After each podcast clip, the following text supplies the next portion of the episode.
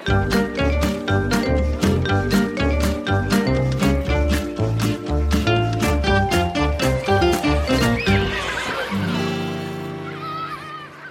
læreplaner er sjøsatt for alle fag, og ett ord som er mye brukt, er dybdelæring. Meningen om hva dybdelæring er og betyr, er mange. Eksempelvis så blir dybdelæring snakket om som prosesser, eller det blir omtalt som noe som gir elevene utbytte, eller det blir betegnet som en metode lærere kan bruke i undervisningen. Så hva er nå egentlig dybdelæring? Ja, dette skal vi snakke om i denne episoden av Lærerrommet. Velkommen hit, navnet mitt er Vigdis Alver. Ja, velkommen til en episode som er spilt inn fra ulike steder i landet via en digital plattform. Navnet mitt er Marianne Olsen Brøndteit. Ja, dybdelæring kan ha mange sider, det er ingen tvil om det. Og med oss inn i denne episoden for å grave i dybdelæringen, så har vi hele to professorer. Velkommen til deg, Atle Skaftun. Du er professor ved Lesesenteret ved Universitetet i Stavanger. Ja, tusen takk. Og velkommen til deg, Thomas Dahl. Du er professor ved Institutt for lærerutdanning ved NTNU. Takk for det. Og Dahl, hvis eh, du skal starte med det du vil ha brukt som en forklaring, hva er dybdelæring, og hva er ikke dybdelæring?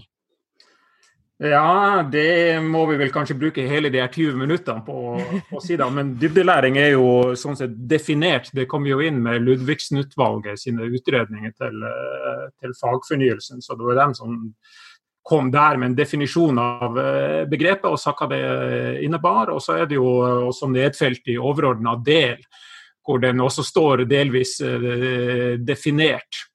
Også, men det mest interessante spørsmålet er jo kanskje om eh, dybdelæringen om man skal holde på med eller, eh, eller ikke. Og Hvis man leser overordna del, så må man jo tolke det som at skolen skal drive med dybdelæring. Men i utgangspunktet så er det jo et teoretisk eh, begrep, og det er jo kanskje litt vanskelig å tenke seg at sånn teoretisk begrep bare uten videre skal eh, brukes i skolen. Men dette teoretiske begrepet, hvordan eh, tenker du at det bør forstås i praksis? Jeg mener jo praksis må gjøre sin egen tolkning av eh, de begrepene som både vi forskere og politikere hoster opp, eh, og sjøl finne ut hva de vil legge det og hva det vil eh, bety. Så rent praktisk så vil det innebære at skolene må egentlig ha en egentlig mest en uformell diskusjon om hva er det som ligger i dette begrepet. Hva betyr det for oss, hva vil vi legge det? Heller det enn å skulle prøve å si det her er dybdelæring, det er det vi skal gjøre.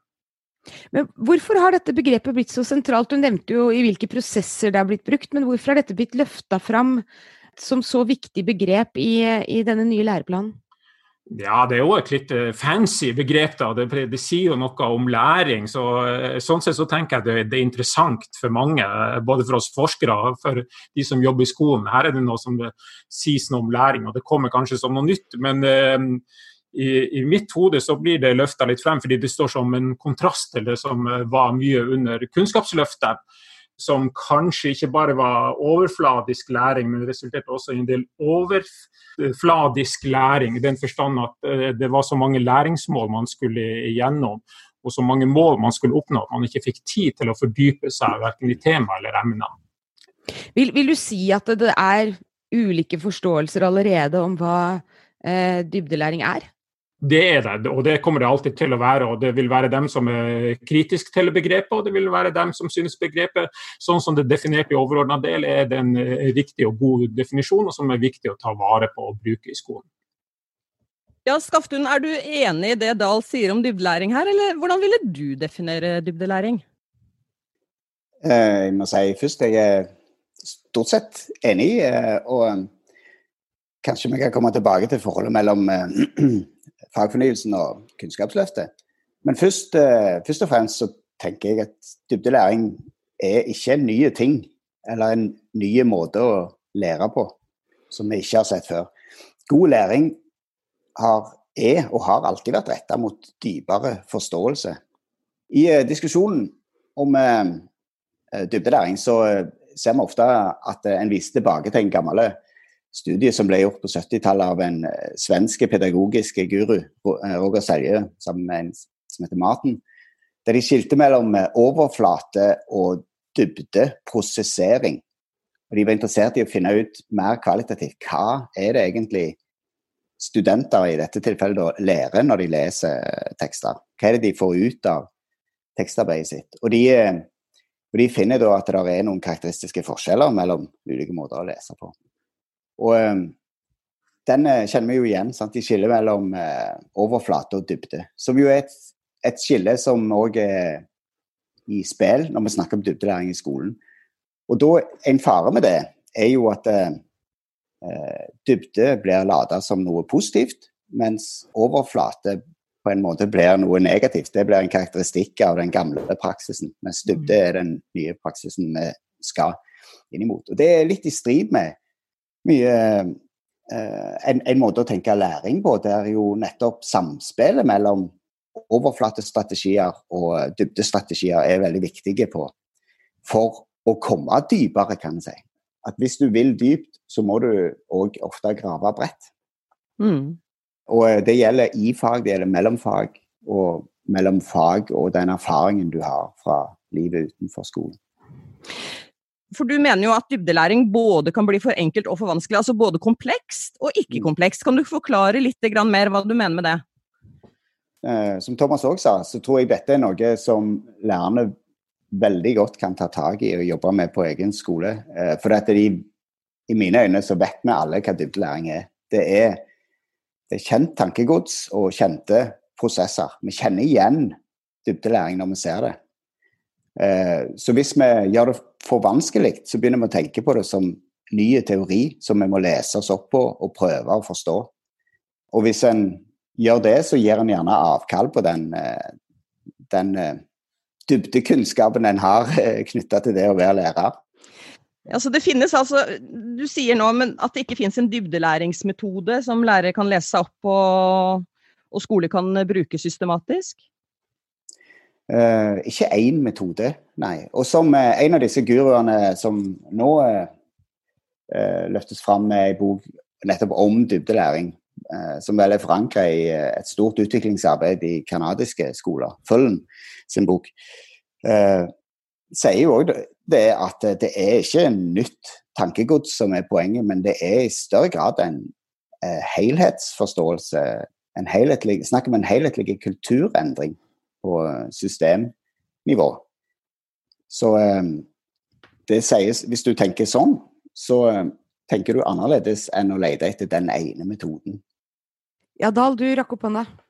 Ja, det er jeg jo helt enig med, med, Atle. da, At vi ikke må forkaste overflatelæring. For vi trenger overflata òg. Det er kanskje på overflata det er rom for å leke og, og spille og leke seg frem med, med, det man skal lære, før man begynner å gå inn i dybden og jobbe grundigere med tingene. Og Derfor tenker jeg dybdelæringsbegrepet bør ha litt forskjellig betydning nede i barneskolen. og og høyere opp i skolen, på ungdomsskole og, og i videregående eh, skole.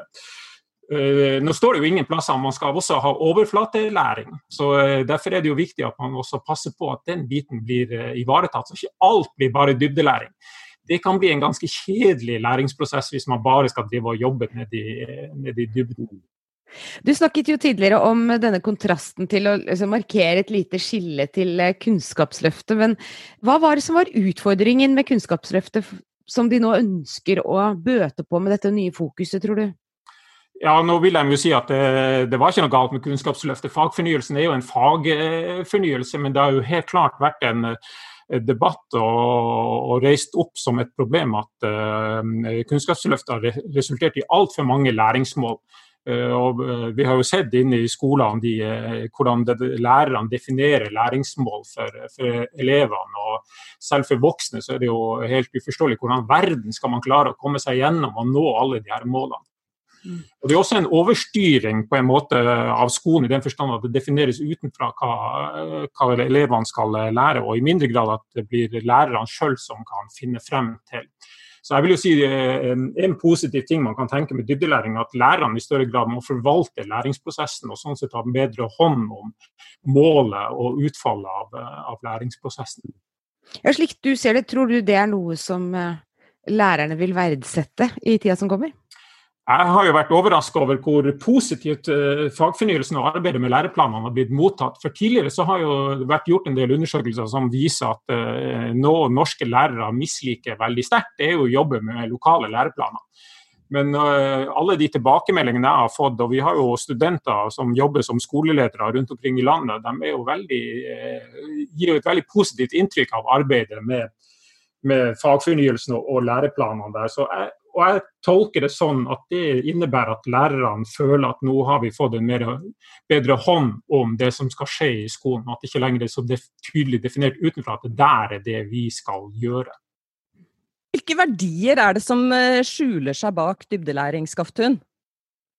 I min verden, i mitt hode, eh, så ønsker jeg gjerne å tenke konstruktivt om det. Og, eh, og jeg tror jeg liker godt den tanken om at dybdelæring er, en måte å tenke helhetlig om, eh, om, det som skjer i skolen på. Og eh, hvis vi tenker helhetlig, så er det jo at det dreier seg om en kulturendring på systemnivå. Så er det jo kanskje ikke så dumt å tenke litt sånn med referanse til en, en annen stor vending i historien, der vi slutta å tro at jorda var universets eh, sentrum, men begynte å tenke med en annen modell, eh, med sola i sentrum. Og en måte som jeg har hørt meg sjøl eh, snakke om dette på, er at det nye organiserende sentrum i skoleuniverset er eleven. en. Så det store nye som dybdelæringsbegrepet, sammen med mange andre begreper i fagfornyelsen, peker mot, er en elevorientering, ei orientering mot elevens læring, heller enn eh, Så kan vi diskutere hva som har stått i sentrum i den eh, gamle skolen eller skoletradisjonen. Men kanskje kunnskap har vært en sånn en uh, hard kjerne, og dermed òg læreren som kunnskapsformidler. Men så skal vi flytte dette inn i, inn i klasserommet.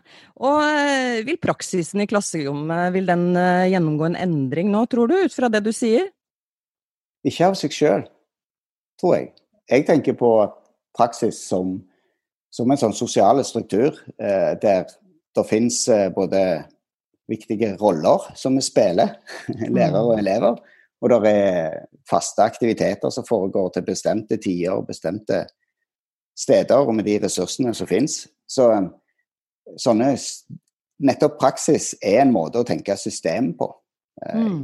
i mitt hode. Du var jo inne på elevrollen og hvordan dette her vil påvirke eleven. Men hvordan vil et økt fokus og bruk av dybdelæring påvirke lærerrollen, tenker du?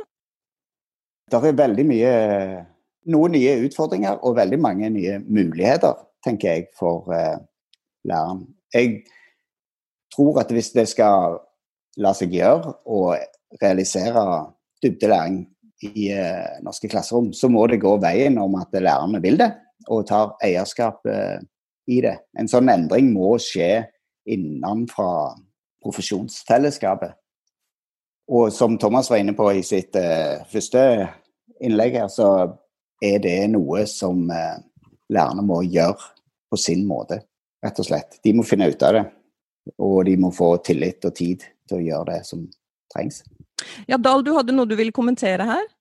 Ja, altså det er jo en viss fare for at uh, dybdelæringsbegrepet egentlig uh, gjør at uh, skolen bare fortsetter å tenke om læring og jobbe med læring på en måte som det alltid har gjort.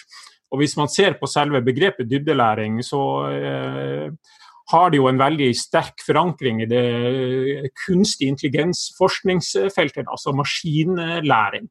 Og Dybdelæring det er da en uh, måte å gå dypere ned i algoritmene og legge underliggende uh, algoritmer. Og sånn som Dybdelæringsbegrepet er beskrevet hos Ludvigsen, så, så kan det fremstå som et, en læring som bare skal skje i hodet. Og som da sånn sett plasserer eh, kroppslig læring og kroppen sin rolle helt på, på sida. Og som på en måte da vil kunne tendere i at man neglisjerer viktige forhold i læringsprosessen, som emosjoner og følelser. Sånn at lærerne, og Jeg mener det er et problem i norsk eh, skole at man er for lite bevisst på de emosjonelle sidene i, læringsprosessen. At lærerne ikke er mm. flinke nok til å se hvordan elever responderer eller føler på, på det som skjer i, i skolen. Og Det kan gjøre at dybdelæring gjør at man blir så veldig fokus på det som skal skje i hodet, og ikke tar med seg kroppen. Mm. Skaftun, jeg vil eh, litt tilbake til eh, elevene her, og hvordan elevrollen blir påvirket. Og elevmedvirkning er jo et annet begrep som kommer veldig eh, inn nå med fagfornyelsen. Hvordan tenker du at det henger sammen med, med dybdelæring? Jeg tenker at det henger veldig nøye sammen. At dybdelæring Eh, og elevmedvirkning kan utfylle en annen. Eh, og på en veldig positiv måte. Hvis en skiller de ad og betrakter det som to forskjellige ting, så vil en lete etter blant mange muligheter til hvordan en kan eh, realisere elevmedvirkning. Og så kan en se for seg, som jeg har hørt mange ganger, at dybdelæring det handler om å gjennomgå mindre stoff og bruke mer tid på det stoffet en da går igjennom. Og så tenker en at med mer tid, så er det mer tid til fordypning, og da skjer fordypningen av seg sjøl.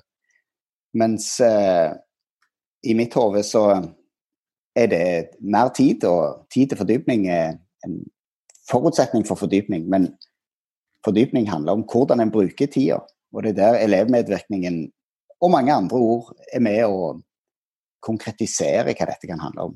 At elevene skal eh, være utforskende, at de skal tenke kritisk, at de skal på mange måter få en plass i faget som faglige tenkere, om en vil, er noe som tiltaler meg eh, veldig med den nye læreplanen. Og der eh, vil jeg være bitte litt uenig med Thomas. Eh, for det, selv om jeg er veldig enig i at kompetansemålene er det som har skapt trengsel i den gamle læreplanen, så er det òg en, en, en, bevegelse i Kunnskapsløftet vekk ifra en ren eh, kunnskapstilegnelse til det å utøve faglighet, som på mange måter er tatt opp og forsterka og løfta fram på eh, en mye tydeligere måte med fagfornyelsen. Da Hvis vi snakker litt om det som ble nevnt her nå med, med elevrollen og elevmedvirkning, så er det jo ikke alle elever som søker helhet og forståelse av seg selv.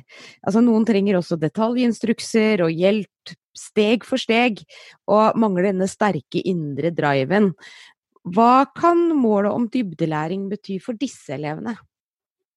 Ja, det er jo en viss fare da at uh, dybdelæring vil uh, være et uh, begrep som passer veldig godt på de som er i utgangspunktet akademisk sterk, som er skolesterk.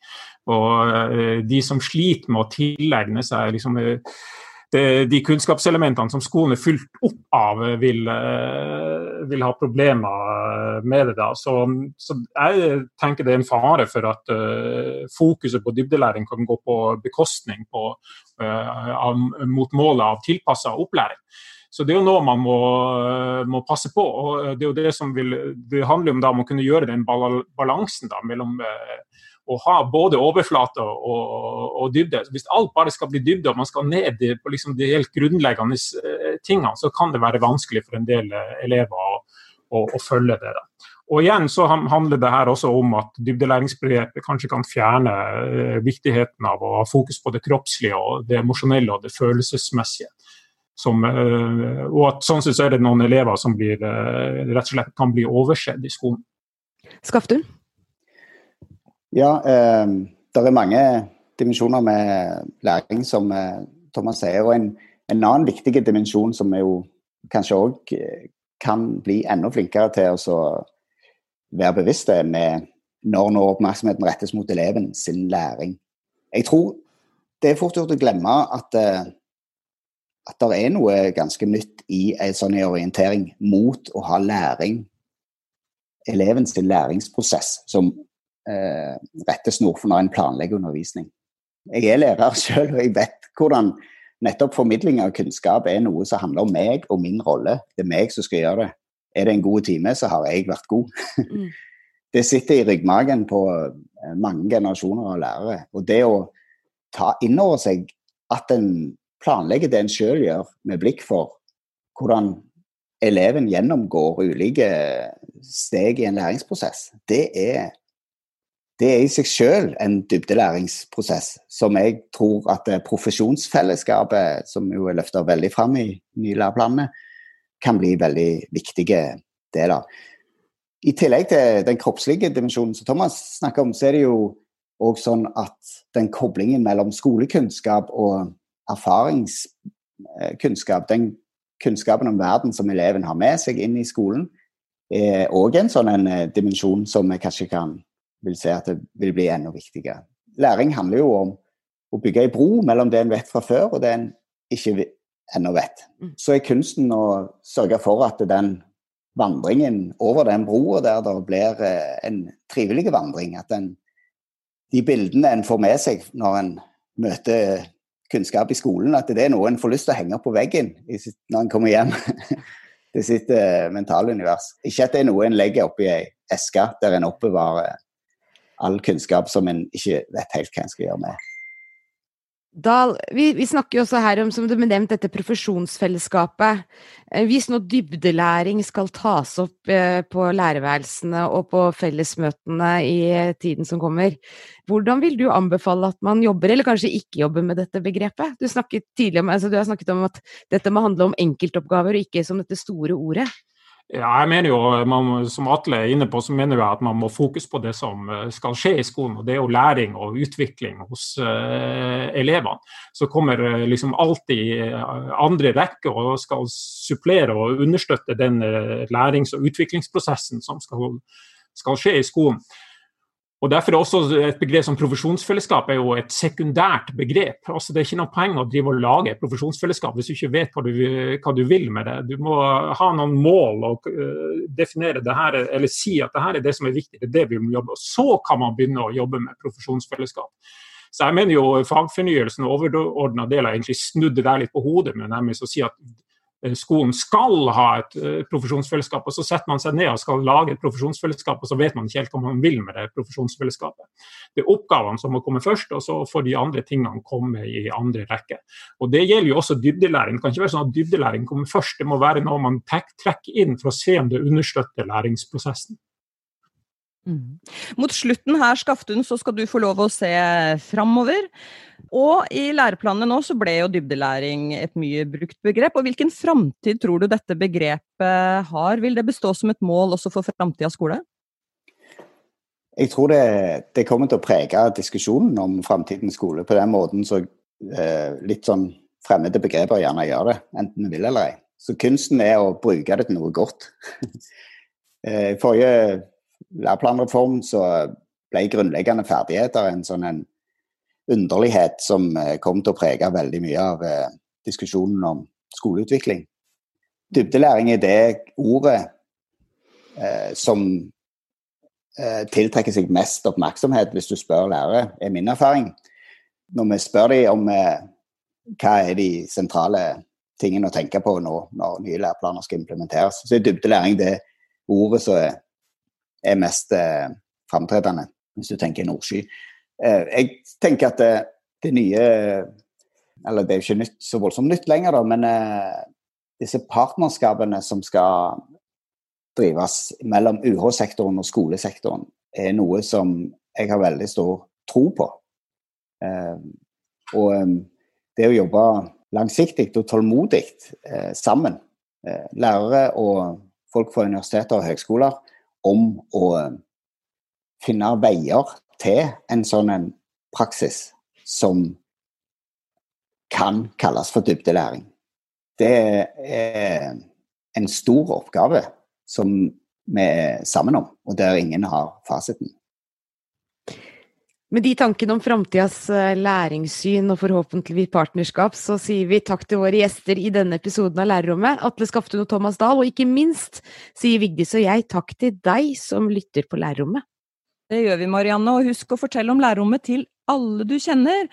Og alle episodene ligger klare for deg der du pleier å høre på podkast, og det er bare å dele videre. Lærerrommet er tilbake med en ny episode med et nytt tema fra utdanningsfeltet om ikke lenge. Ha det bra! Ha det!